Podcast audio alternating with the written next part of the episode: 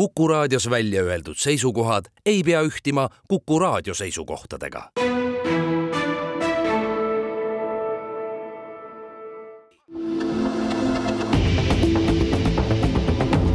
kahevahel.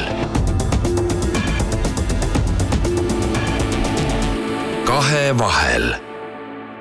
tere ajakirjanikud Timo Tarve ja Ainar Ruussaar alustavad igareedese vestlussaatega ja meie vahel Kuku raadio stuudios on Eesti Gaasi juhatuse esimees Margus Kaasik, tere! tere! Eesti Gaas on Soome-Balti piirkonna suurim erakapitalile kuuluv energiafirma, mis tegutseb viiel turul Balti riikides, Soomes ja Poolas. välisturgudel kannab ettevõtte nime Elenger. Margus Kaasik on Eesti Gaasi juhatuse esimehena töötanud eelmise aasta kevadest, energeetikasektoris on ta erinevatel juhtivatel ametikohtadel töötanud paarkümmend aastat. noogutus, peab paika hea Margus, ettevaatust gaas on noh, meieealistele väga tuttav loosung ja pealkiri Nõukogude aja perioodikast, kus siis manitseti gaasil töötavaid koduseadmeid kindlasti üle kontrollima, et midagi nüüd sisse ei ununenud. tegelikult on hoiatus muidugi vanem kui meie. Theodor Lutsu kultuslik õppefilm kõneleb näiteks võimalikust gaasirünnakust ja selleks valmistumisest, aga ilmselt kõlas see gaasiteemaline alarm ka läinud nädalavahetusel kui asjakohased institutsioonid märkasid leket Soome lahes Balticconnectori juures, üle kuuekümne meetri sügavusel. Need vigastused on inimtekkelised, ütlevad asjatundjad, öelge, millist kahju see torujuhtme ründamine siis teie teada tekitas? Äh, sa mõtled nüüd torule või, või gaasiturule? mõlemale. mõlemale, mõlemale, no noh, ütleme see toru koha pealt äh, ei ole ju meie seda näinud, mis seal vee all on juhtunud, aga, aga see, mida kirjeldatakse äh,, vist kõige parem väljend on see, nagu oleks keegi aiavooliku taha komistanud, et et see, see justkui tõepoolest näitab, et millegiga on siis seda toru nii-öelda katki veetud, noh, stiilis laeva ankruga või siis, või siis tõesti on seal ka mingisugune väiksemat sorti plahvatus olnud, et eks seda uurijad uurijad selgitavad välja, eh, mis seal, eh, mis seal taga oli ja, ja kas see oli siis tahtlik või, või kogemata, et noh, teoreetiliselt laevaankruga on ilmselt võimalik ka seda kogemata ju vedada, aga tahaks uskuda, et kogemata, sest noh te,, teised järeldused on ilmselt natukene niisugused äh, kurvemad, aga, aga no seda, seda ilmselt selgitatakse, selgitatakse välja ja noh, praktikas, mida see siis on nüüd kaasa toonud, on see, et see toru on katki, kasutada teda ei saa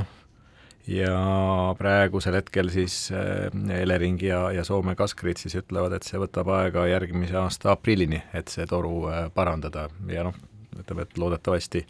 on ta parandatav, vähemalt niisuguse, niisugune indikatsioon on antud. jah, noh, raske oleks uskuda, et mõni äh mõni kaubalaev veab kuuekümne meetri sügavusel merepõhjas ankrut enda järel, aga, aga eks uurimine näitab, kas me saame seda kahju kuidagi rahas mõõta? Ikka saame, ma arvan, ikka saame, selles mõttes, et noh, üks asi on see, palju selle toru parandamine nüüd võtab, selle kohta ma kahjuks ei oska öelda, ma arvan, et, et nii-öelda süsteemi operaatorid, kellele see toru kuulub ja kes seda nüüd parandama hakkavad, oskavad seda öelda, no ma ma, ma, ma pelgan, et see on ikka miljonites see number, mitte, mitte, mitte, mitte väiksem, aga, aga tõesti ei, ei oska arvata. noh, mida me võib-olla paremini näeme, on äh, on, on siis, on siis see mõju turule, noh, Eesti poole peal ma ütleks, et seda, seda mõju, otsest mõju ei ole, aga Soomes küll on, et noh, seal me näeme, et see gaas on läinud noh, ütleme suurusjärgus kümme protsenti kallimaks. Ja, ja ma arvan, selline mõne, mõneeurone megavatt-tunni kohta hinnalisa nüüd sellele talveperioodile sinna tekib või jääb. Ja noh, ütleme, et Soome turg sellisel, sellel perioodil tarbib noh, noh, tea, kümmet teravatt-tundi ei tarbi, aga noh, ütleme, et kümme teravatt-tundi, võtame, jääme lihtne arvutada siis ja noh, ma ei tea, näiteks neli eurot äh, ühe megavatt-tunni kohta, noh kokku palju me siis saame, nelikümmend miljonit või? või see tundub palju natukene, nii palju sealt ei tule? no ühesõnaga, me ei ole matemaatikatunnis. Öelge, kas riigid või riik, meie riik, on konkreetselt panustanud ka siis gaasiga varustuskindluse tagamisse, kuivõrd tegemist on strateegilise ja elulise ja julgeolekutki tähendava kaubaga?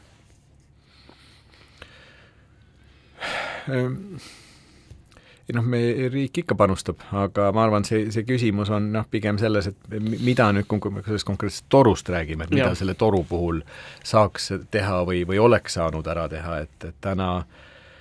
noh, täna see, see õnnetus või, või, või tahtlik tegevus on, on juhtunud selle toru peal, toru, toru on katki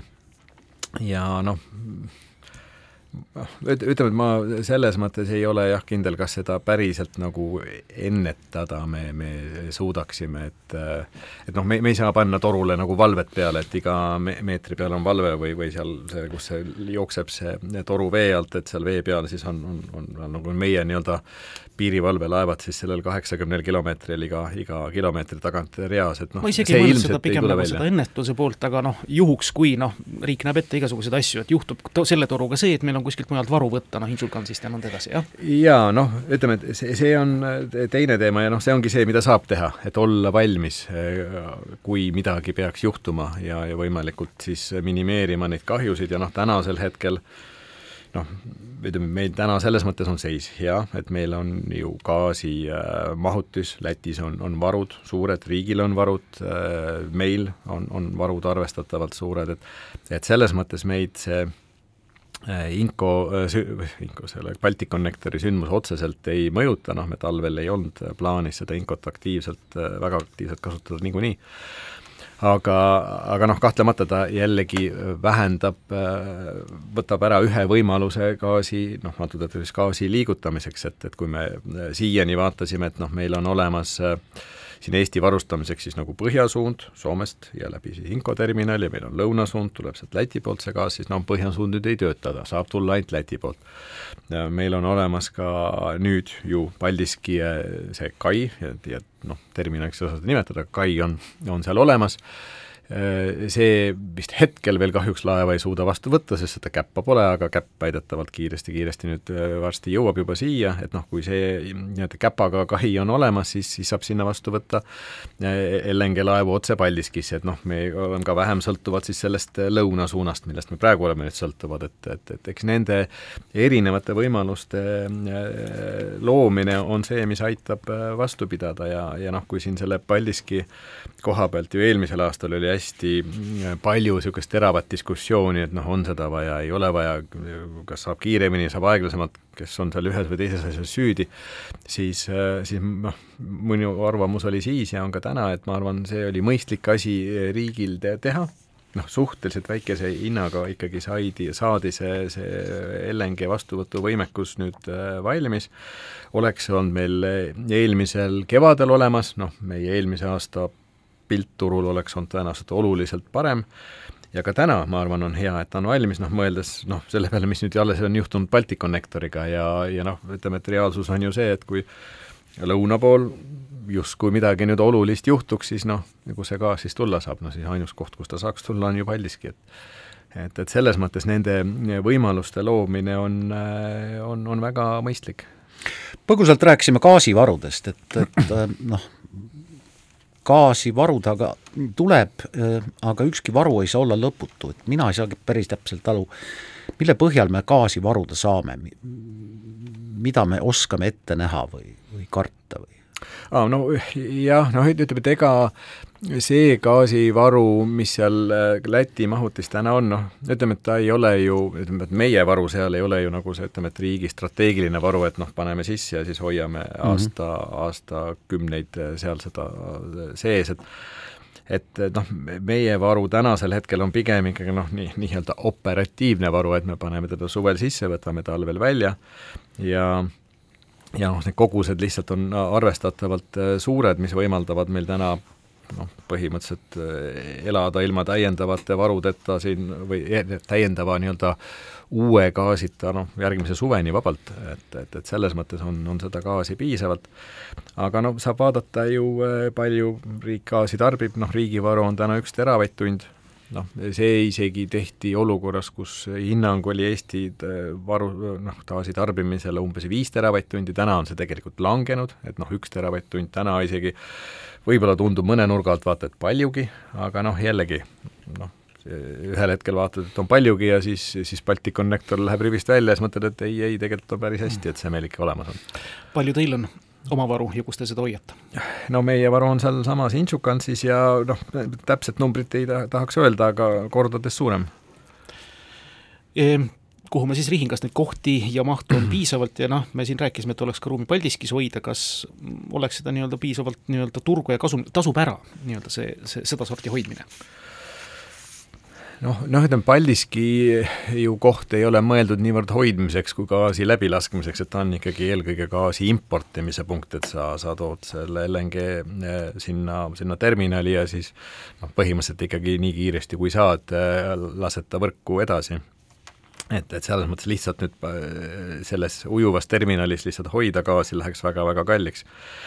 oluliselt odavam on seda teha seal, seal Läti mahutis ja äh, noh, see oligi nagu vastus põhimõtteliselt küsimusele, jah. teeme siin väikese ja. pausi ja siis jätkame.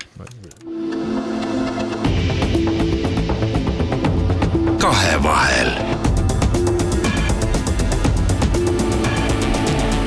kahevahel saade Kahe vahel täna reedel, kolmeteistkümnendal oktoobril saatejuhid Ainar Ruussaar ja Timo Tarve võõrustamas Eesti Gaasi juhatuse esimeest Margus Kaasikut Margus, kuidas sõda Ukrainas ja Venemaa sanktsioonid on gaasiturgu mõjutanud?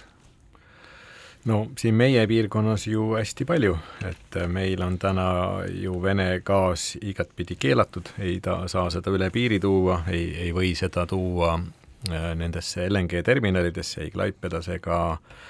ega ka Inkos, et selles mõttes äh, noh, meie turul äh, Vene gaasiga teha midagi ei, ei saa, et noh, ütleme, selles mõttes ta mõjutab seda turgu äh, arvestatavalt, et kõik Venevood on, on siin piirkonnas lõppenud ja ja maagaas, mis siin torudes voolab, on, on siis kõik LNG-na sisse toodud ja mitte Vene päritolu päris kindlasti. kuidas Kesk-Euroopaga lood on, kuidas selle lõe nisa otsast nüüd lahti tullakse aegamisi, suhteliselt vaevaliselt, ma saan aru? Jah, noh, tõsi on see, et, et Euroopas tervikuna noh, Vene gaas ei ole täna nullis, et, et seal vähesel määral liigub seda äh, toru mööda, noh, ka, ka läbi Ukraina tänasel hetkel veel ju voolab äh, väik-, väikeses mahus, aga, aga siiski voolab, ja samuti tuuakse äh, mõnedesse Euroopa terminalidesse veel Vene LNG-d, et noh, noh, nii palju, kui meie oleme siin rääkinud teiste turuosalistega, siis noh, jutt, mida räägitakse, on, on see, et kuna sanktsioone ei ole kehtestatud Vene gaasile üle-euroopaliselt, siis lihtsalt äh, nendest pikaajalistest lepingutest ei saada välja, et neid ühepoolselt lõpetada on, on keeruline ja väga kallis ja noh, siis nad lihtsalt peavad jätkama ja noh, kõik ütlevad seda, et noh, kui sanktsioon tuleb, siis nad selle ära lõpetavad, aga noh, kuni sanktsiooni pole, siis nad lõpetada ei, ei saa, et, et seetõttu mingisuguses koguses seda Vene gaasi endiselt siia turule tuleb. Aga no ta on noh, täna ma ütleks ikka suhteliselt väheoluline kogus, et, et põhimõtteliselt kui see Euroopa Liit tahaks, ta võiks ka selle ära sanktsioneerida ja noh, midagi väga drastilist siin turul ei, ei toimuks, aga aga noh, tõenäoliselt ei taheta seda sanktsioneerida noh, lihtsalt sellepärast, et mitte anda, anda sellele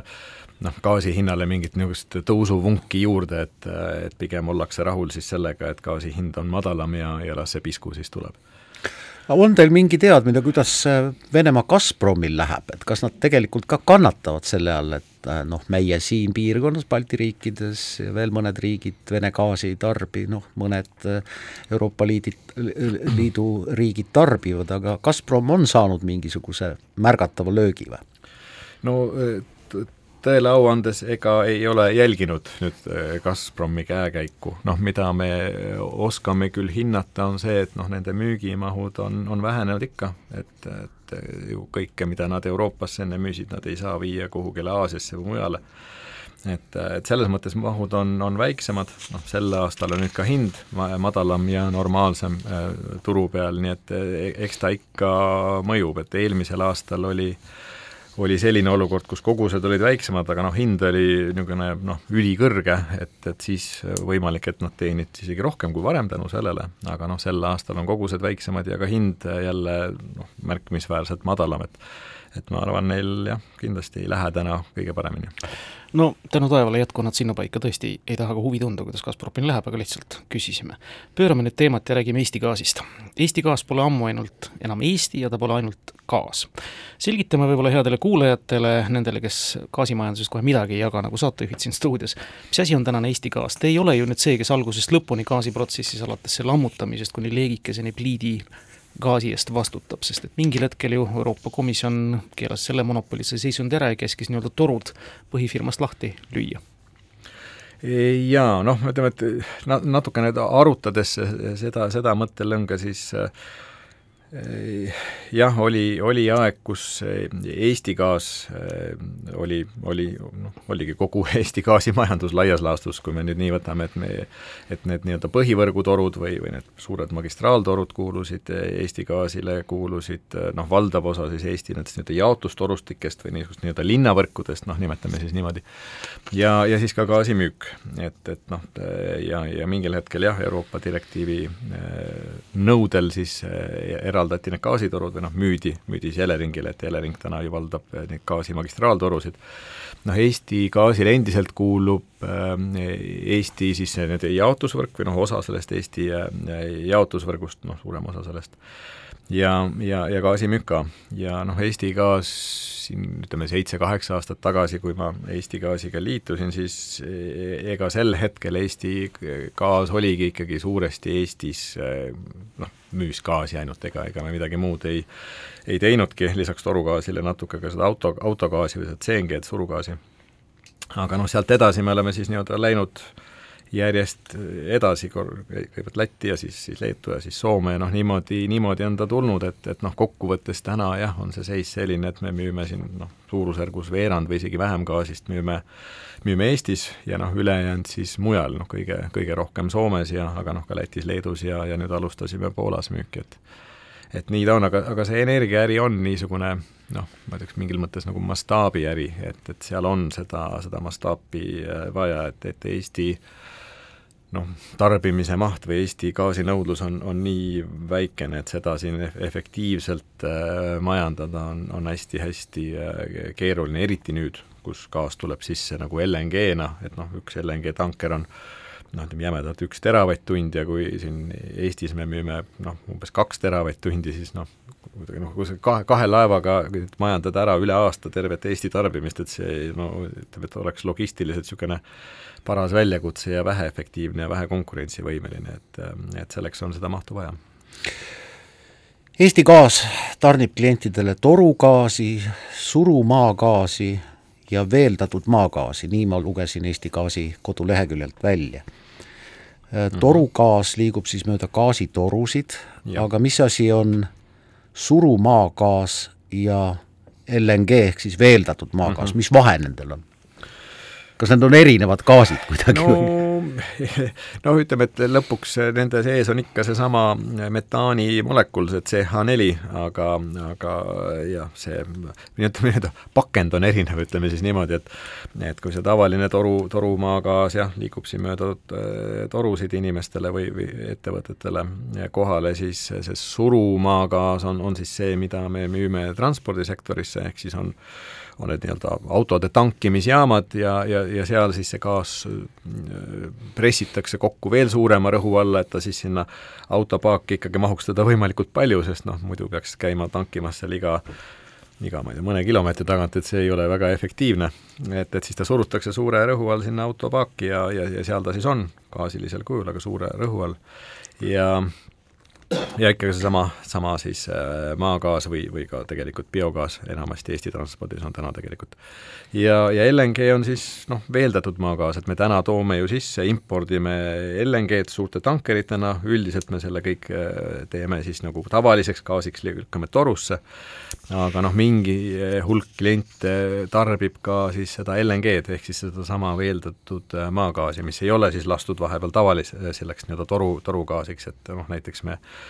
täna suurim klient on meil Tallink, kes siin Eesti või noh, Helsingi ja, ja Tallinna vahel sõidab ja, ja kasutab valdavas osas siis seda LNG-d, kuna see on oluliselt puhtam ja, ja parem kütus neile. aga nüüd ähm, see gaasimajandus, mis puutub igasse majapidamisse, millega boilerid soojendatakse ja pliite alla tuld tehakse, see ei ole ju metaan, see on selle prot-, äh, propaani-butaani segu. no ütleme, et pliitgaasi pliitides võib olla mõlemat et mm -hmm. ma arvan, et täna on, on Eestis kümneid tuhandeid kliente, kus, kus ikkagi seal pliidi, pliiti jooksebki ikkagi see gaasitoru, nii-öelda torugaasi ja nad panevad selle äh, ja, ja kasutavad seda siis omal söögi tegemiseks ja, ja, ja kasutatakse mingis osas ka siis seda nii-öelda balloonigaasi, on ta siis suurem või väiksem balloon äh, toas ja, ja siis kasutavad seda mm. -hmm aga jah, noh, ütleme, meie seda balloonigaasi ei müü, seda müüvad Eestis teised ettevõtted ja see on natuke teine gaas, on jah, see propaan mm, -hmm. propaan, butaan, nii et meie, meie müüme siis metaani, ehk siis seda noh, maagaasi mis on teie lähiaastate eesmärgid nüüd just välisturgu silmas pidades, te olete ikkagi suuresti selline energiat vahendav ettevõte, nagu me siin oleme selgeks saanud? jaa, me oleme energiat vahendav ettevõte, et me, me valdavalt siis ostame noh, siis suurte nende tankeritega seda äh, maagaasi sisse äh, LNG kujul. Ja, ja müüme edasi, me vähemal määral oleme ka ju äh, gaasitootjad, ehk siis biogaasi näol, aga noh, ütleme need kogused on, on suhteliselt väikesed, kui me kogumüüki veel vaadata. et me jah, oleme, oleme selles mõttes gaasi vahendajad, noh kui me lähema aja eesmärke vaatame, siis äh, eks me tahame oma, oma müüki ju endiselt edasi, edasi kasvatada ja noh, selleks peab vaatama neid järgmisi turge, et, et koht, koht, kus me täna alustame, oleme müüki, on Poola ja noh, seal, seal siis soovime, soovime rohkem, rohkem müüa, kui me täna teeme. ja ma sain teie jutust praegu aru, et Poola jää viimaseks välisturuks, kuhu te edasi vaatate? noh, kõigepealt tuleb see Poola korralikult käima saada ja siis vaadata edasi, et noh, me oma, oma selle nii-öelda gaasi kauplemisvõimekuse oleme, oleme saavutanud ka Saksamaal, et me suudame täna liigutada gaasi siis Saksamaalt Soomeni ja, ja, ja vastupidi ja, ja noh, eks sealt edasi on, on erinevad Kesk-Euroopa riigid, kus, kus võib seda äh, turgu ja huvi olla, aga noh, ütleme, me läheme samm-sammult, et iga uue turu äh, noh, võtmine, see noh, seal on oma, oma spetsiifika, omad nüansid ja, ja see, et seal edukas olla, selleks noh, selleks läheb oma aeg ja, ja tuleb võtta oma oma lisaressurss selle jaoks, et, et see noh, ütleme, et päris nipsti ei, päris nipsti ei käi. küsin üle, kust te gaasi saate? gaasi ostame, ostame sealt toredalt maailmaturult, et meil on äh, sõlmitud need raamlepingud väga paljude suurte siis energiamüüjatega, noh, nagu a la Shell ja Total, Glencore, sellist, sellisel tasemel äh, müüjatega, mõned ka otse Ameerika tootjatega ja, ja nende käest me siis äh, ostame seda, seda LNG-d, et, et valdavalt see LNG ükskõik, kes teda müüb, valdavalt tuleb täna Ameerikast, sest see on see, kus seda nii-öelda gaasi ülejääki kõige rohkem on ja, ja siia Euroopasse teda kõige rohkem tuleb. vähesemal määral tuleb ka Norrast ja, ja vist üks, ükskord on tulnud ka siiani Aafrikast, aga, aga valdavalt Ameerikast, jah. Läheme siinkohal väikesele reklaamipausile ja siis jätkame gaasijutte. kahevahel kahevahel. Timo Tarve, Ainar Ruussaar jätkamas igareedest vestlussaadet Kahevahel ja Kuku raadio stuudios on Eesti Gaasi juhatuse esimees Margus Kaasik härra Kaasik, me oleme siin korduvalt vihjanud, eks ole, rohegaasile, mille tootmisvõimekus on ka Eesti Gaasil olemas, loomulikult eks tulevikku silmas pidades ma väga eeldan ja loodan, et te seda võimekust laiendate või otsite vähemasti võimalusi. räägime biogaasist laias laastus, mis asi see on, kuidas ta tekib, kuidas ta kinni püütakse, kuidas ta torru lõpuks suunatakse, seda me muidugi teame, miks talvel lautades väga soe on, lehmalautades. aga noh, mõte on põhimõtteliselt sama. jaa, noh, biogaas on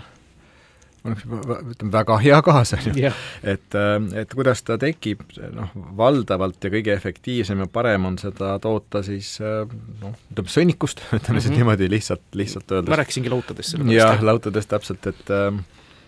et see on see peamine, peamine tooraine ja, ja noh, ütleme, et li, lisaks äh, sellele, et, et noh, lõpuks sealt me, me saame välja kätte siis sellesama metaanimolekuli ja, ja täitsa võrgukõlbuliku gaasi, siis äh, noh, biogaasi tootmisel ma arvan, isegi hästi suur äh, mõju on veel sellele, et, et see teeb meie põllumajandust ikka oluliselt jätkusuutlikumaks, et, et see noh, need, ka need CO2 vähendamise nõuded, mida täna äh, põllumajanduses esitatakse, on, on väga suured ja ega noh, sa muidu ei suuda, suuda neid nõudeid täita, sest noh, seesama äh, metaan, mis siis muidu seal laudas äh, või kusagil lauda kõrval hunnikust nagu õhku lenduks, siis, siis noh, selle asemel me ju püüame ta kinni ja, ja, ja noh, laseme torusse. lihtsalt niimoodi vabalt, mingit töötlust ei ole vahepeal või? ei, ei, ei, no ei, ja ei noh, ega me päris nüüd jah, ämbri ämbriga sealt no sõnniku-hunniku otsast ei, ei, ei saa seda püüda, et, et need see tooraine ikkagi pannakse nagu noh, käärititesse või, või ütleme, suurtesse mahutitesse ja, ja sealt ta siis ikkagi kor-, korjatakse välja, nii-öelda kinnisest anumast mm -hmm. ikkagi korja-, korjatakse välja, puhastatakse ära, et varasemalt Eesti biogaasitööstus on noh, alguse saanud sellest, et jah, koguti koguti siis kokku see nii-öelda toores biogaas, mis, mis ei ole veel võrgukõlbulik gaas, seal on päris palju siis veel muud, muud elementi sees ja siis ta lükati lihtsalt selles noh, mingisugust nii-öelda gaasimootorist läbi ja, ja, ja tehti sellest elektrit ja, ja soojust. Ja sellele samale, samale piirkonnale, et, et see oli see, kuidas see äri algas, aga tänaseks on vist ma arvan, kõik või vähemalt väga enamus siin Eestis nendest vanadest biogaasijaamadest siis muudetud biometaani tootjaks, ehk siis piltlikult öeldes on niisugune ilus filter vahel, millega siis filtreeritakse see nii-öelda toores biogaas siis äh, võrgukõlbulikuks biometaaniks, et, et, et nii ta tuleb, seal on jah, selles ahelas on mitu, mitu etappi, aga, aga lõpuks sealt tekib äh, võrgukõlbulik biometaan ja täna, kuhu see valdavalt siis äh, läheb, vähemalt arvestuslikult, on, on transpordisektor, ehk siis sellega me rohestame oma, oma transpordisektorit ja, ja väga paljud noh, bussiliinid ju sõidavad täna rohegaasiga siin alates Tallinnast ja, ja suur hulk igasuguseid maakonnaliine ja, ja mõned linnad veel sõidavad täna rohegaasi peale, see on, ma arvan, noh, ütleme, et väga mõistlik asi, mis Eestis läbi viidud on, et noh, me saame äh, ühest küljest me saame oma põllumajanduse heitmed väiksemaks, me saame transpordiheitmed väiksemaks, gaasibussidel on igasugused müra ja, ja, ja muud saastenäitajad oluliselt paremad kui näiteks diiselbussil, et selles mõttes see on olnud üks vägev, vägev asi, mis on tehtud. kas rohegaasi tootmine on kallim kui see, selle gaasi, ma ei tea, vahendamine, mis tuleb kusagil maapõuest? no Üldiselt küll jah, noh kui me muidugi võtame selle eelmise aasta ekstreemolukorra, kus gaas, maagaas tavaline maksis kakssada eurot megavatt-tund ja rohkem, siis, siis, siis oli biogaas ikka selgelt odavam, aga aga noh, kui me võtame niisuguse normaalse maagaasi hinna, kuhu me kindlasti oleme ühel hetkel jälle teel, noh, ütleme, räägime siin suurusjärgustest ka ma ei tea, kakskümmend, kolmkümmend eurot megavatt-tund, siis kahekümne, kolmekümne euroga megavatt-tund me ikkagi ei suuda toota biometaani, et ta ikkagi maksab rohkem, noh, ütleme seal noh, see suurusjärk natukene edasi-tagasi, aga see suurusvärk on seal kusagil saja euro juures megavatt-tund, et sõltub konkreetsest projektist, asukohast, suurusest, sellest, kas äh, on ta juba varem rajatud tehas, kuhu sa paned ainult äh, selle biometaani puhastuse otsa või, või pead nullist tegema, et noh, seal on väga palju nüansse, aga noh, suurusjärk on, on sada eurot megavatt-tund, mis noh, ühest küljest äh, ei, ei noh, tundub ju nagu kallis, kui sa võrdled tavalise metaaniga, aga noh, jällegi need hüved, mis ta toob ja, ja see CO2 Äh, noh, negatiivne jalajälg, noh, selles sõnnikust tehtud biogaasi äh, jalajälg on ju negatiivne, miinus, mitte pluss, siis, äh, siis noh, lõpuks ma ütleks, et ta on täitsa, täitsa mõistlik asi, mida teha ja mida teha ka rohkem, kui, kui täna tehakse ma küll täpselt ei tea, kas biogaasi kasutamisele ka mingid konkreetsed reglemendid, eesmärgid on seatud riiklikult üle-euroopaliselt selle rohepöörde valguses või mitte, aga tundub küll niimoodi, et seda sammu edasi minnes, et selle gaasi päralt on tulevik. no ei jaa, ma arvan, see kindlasti võiks olla nii, noh täna, no ütleme, et mis me täna on, on tehtud ja mida mina olen näinud nii Euroopa Liidu tasemel kui Eesti tasandil, on on äh, hinnatud, mis see potentsiaal on, on, on seatud mingeid sihte ja eesmärke, aga noh, ma arvan, üks asi, kus, kus peaks seda tuge nagu rohkem olema, et see sektor tõepoolest nagu areneks nagu oma potentsiaalini, on see, et noh, mingisugusel moel seda, seda niisugust noh, ma ei tea, ütleme siis kindlust ja investeerimiskindlust nendele tootjatele, ma arvan, on, on vaja. et noh, tänasel hetkel äh, noh, ka selle Euroopa Liidu poole peal noh, ütleme, et seda, seda võbelust nagu on äh, ka selle biometaani teemal, et noh, kas ta siis ikkagi nüüd on hea asi ja seda peaks siis nüüd tegema hästi palju või noh, rohkem kui täna, või siis on see asi, mis äh, ikkagi no ei tea, äkki ikkagi äh, põletada tulevikus üldse midagi ei ole vaja ja äkki me ikkagi saame, saame üldse hakkama ainult tuulikute ja, ja päikesepaneelidega, et, et seal seal seda võbelust natukene on ja, ja see ei aita muidugi kaasa sellele investeerimisotsuste tegemisele. ma ei tea, kas te oskate vastata, aga ähm, natuke rohkem kui kuu aega tagasi olin ma päris pikalt Aserbaidžaanis ja väga paljud sealsed inimesed ütlesid, et väga uhkelt ütlesid, et meil jätkub gaasi maapõues kolmesajaks aastaks. kas meil on mingi teadmine, kui palju meil seda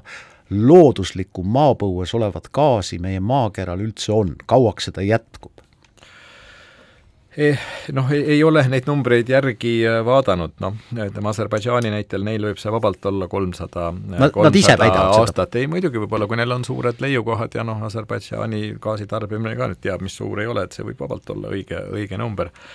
noh, globaalselt ma, ma pelgan, et need numbrid on ikka väiksemad kui, kui kolmsada aastat vähemalt tänaseks avastatud ja, ja kasutusele võetud leiukohtades,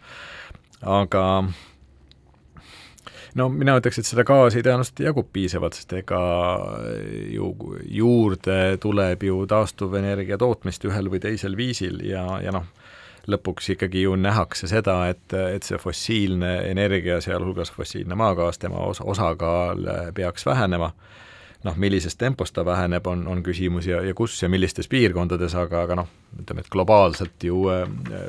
mõeldes selle peale, et, et on vaja, vaja piirata kliima soojenemist, siis, siis ühel või teisel viisil tuleb ikkagi seda CO2 pai-, õhku paiskamist ju piirata, muuhulgas ka, ka gaasi omaga. aga näis, see, see, see tee ilmselt on, on niisugune käänulisem, mitte päris lineaarne. jaa, noh, palju räägitakse müstilisest Arktika varust ja kõigest muust ka veel, millest me mitte midagi ei tea, aga me arvame teadvat, et see on võimas kuulge, see viib nüüd uue asja juurde, millised on veel need looduslikud objektid, kus me arvame olevat gaasi hästi palju, kust nii-öelda seda gaasi saaks välja pressida, ma viitan nüüd jutuga juba kildagaasi peale. no kildaga, noh, nüüd kildagaasi me ju täna siin kõik Eestis tarvitame, noh, see ka gaas, mis Ameerikast ju tuleb, noh, see, see on ju kildagaas, et mm -hmm. ega neil seda, noh, võib-olla on neil midagi muud ka, aga noh, valdavalt igal juhul on ta, on ta kildagaas, et eh, noh, Euroopas on, on ka ju neid kildagaasi ähm, varusid äh, olemas, noh kas ka neid... Eestis väidetavalt, ma olen seda kaarti näinud. jaa, ka Eestis väidetavalt jah, aga, aga noh, tõenäosus, et neid äh, siin Euroopas lähemal ajal kasutusele võetakse, no ma, ma hindan ikkagi väikeseks, et noh, täna, täna Euroopas pannakse kinni ka olemasolevaid nii-öelda klassikalisi gaasimaardlaid siin, siin Hollandis ja mujal, sellepärast Miks? No sellepärast, et nad tekitavad ähm, siis ebamugavust inimestele, tekitavad äh, niisuguseid äh, maa, maanihkeid ja, ja, ja väikseid värinaid ja, ja inimesed, inimestele ei meeldi elada maardlate, maardlate kohal, et et, et see on see probleem, noh, Euroopas me, me oleme ikkagi üldiselt hästi noh, ütleme siis niimoodi, kesk-, keskkonnateadlikud ja, ja tahame kõike teha hästi puhtalt ja hästi kenasti ja, ja see noh, paraku sunnib meil siis seda, et me mingisugused varasemad tegevused lõpetame ära ja, ja uusi asju võib-olla ei alusta. et, et see on, on, on ka tänane seis.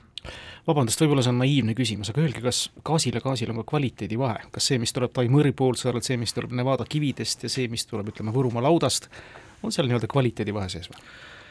No väiksed vahed ikka on, et eh, noh, maagaas, nagu ma varem ütlesin, et noh, tema see siis keemiline molekul, mida me põletame ja valdavalt, millest ta koosneb, on see CH4 ehm, ja, ja kõikides nendes maagaasides on siis see CH4 ka valdav, valdav koostisosa, aga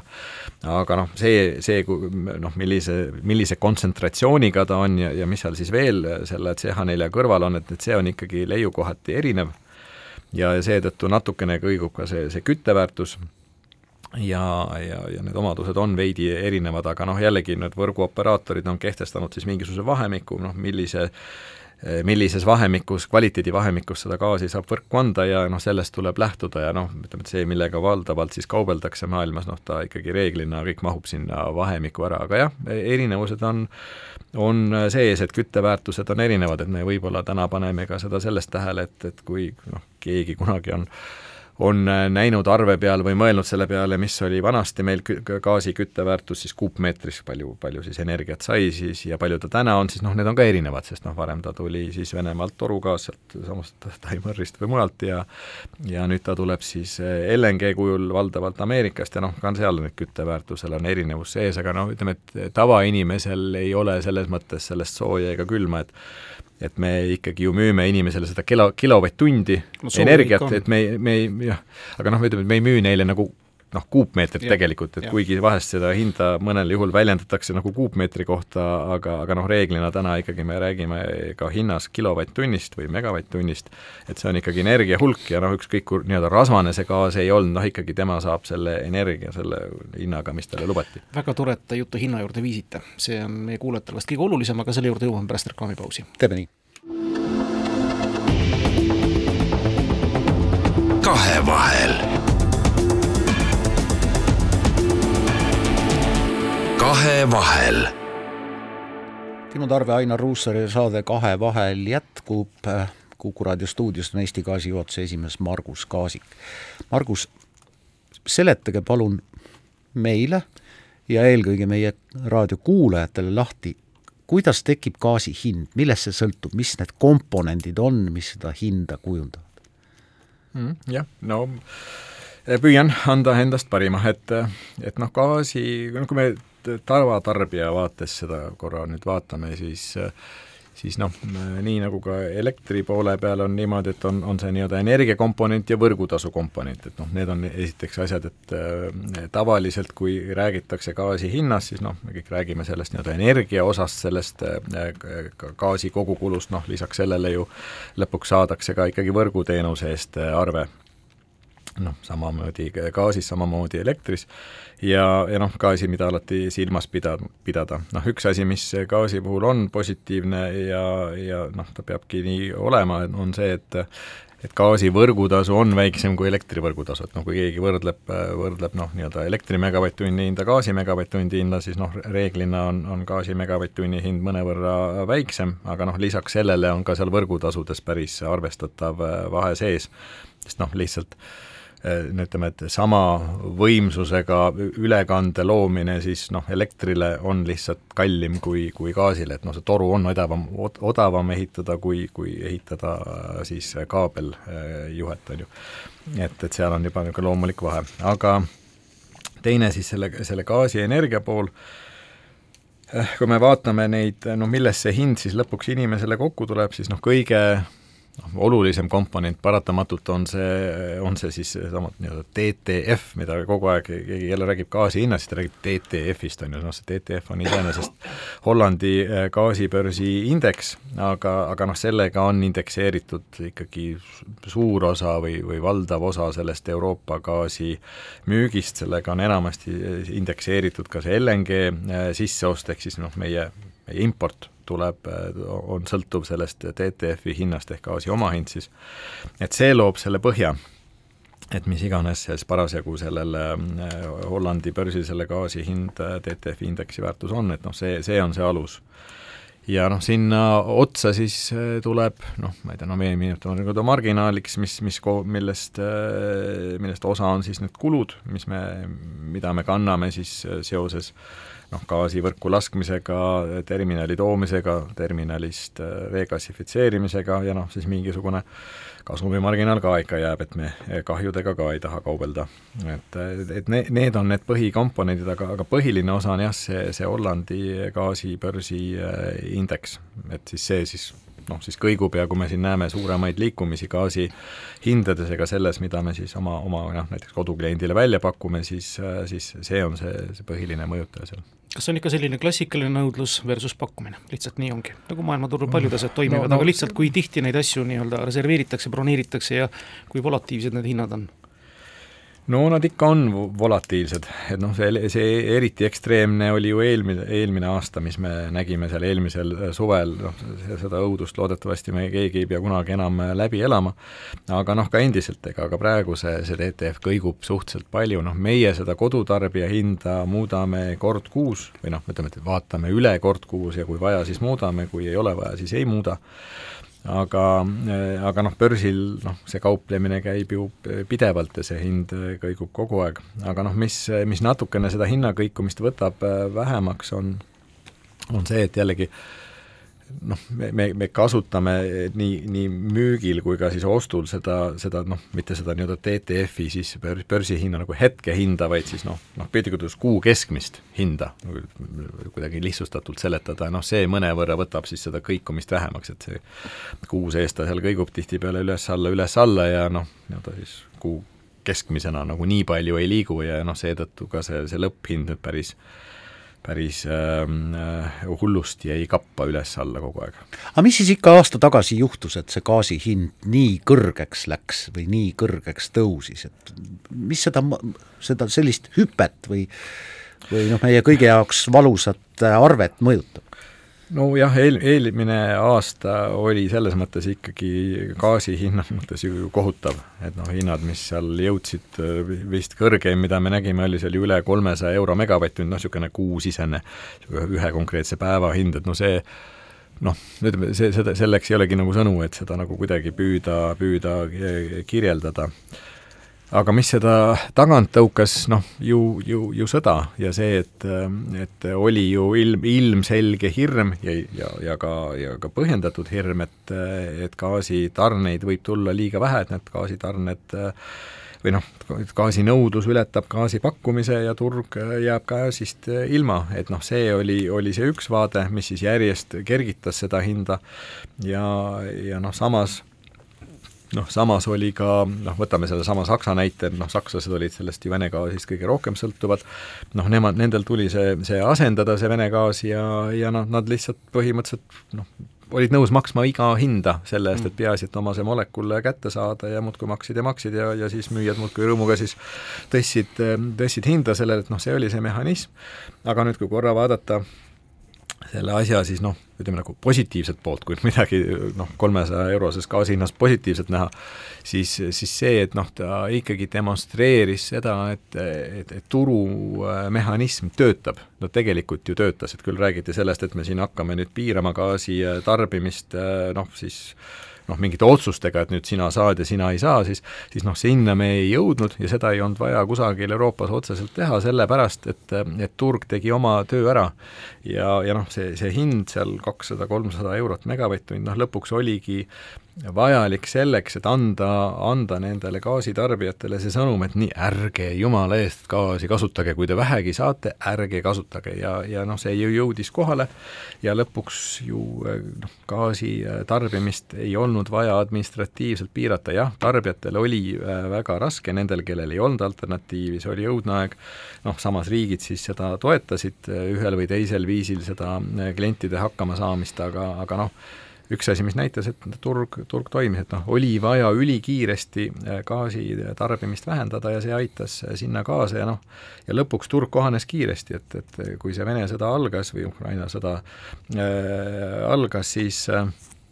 siis arvati, et see võtab aastaid aega, noh, ma ei tea, ma kuulsin viis aastat mingeid hinnanguid, et, et võtab aega, enne kui me sellest Vene gaasist nii-öelda lahti saame ja suudame ilma selle gaasita hakkama saada,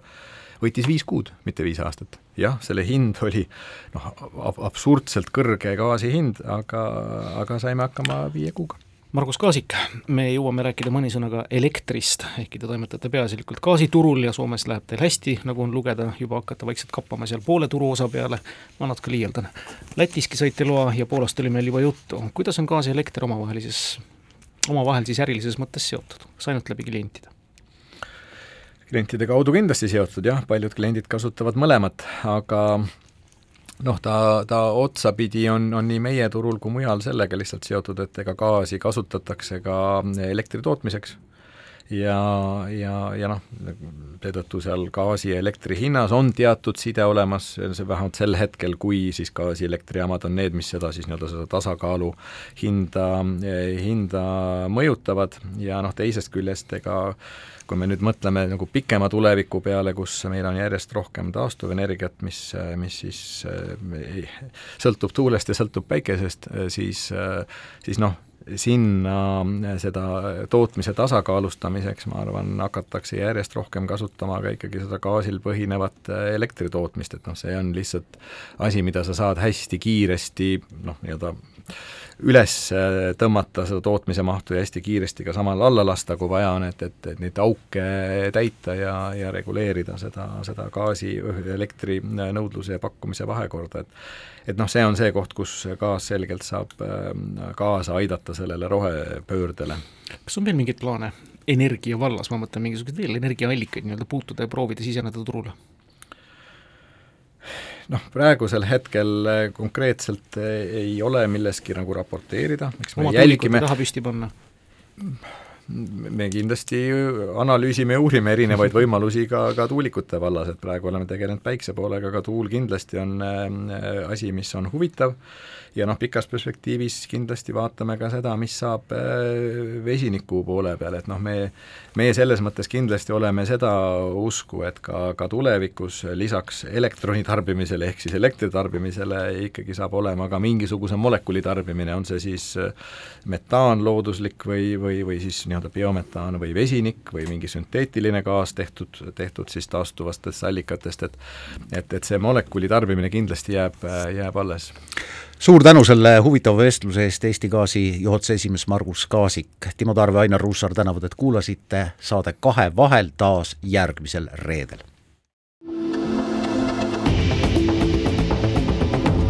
kahevahel. kahevahel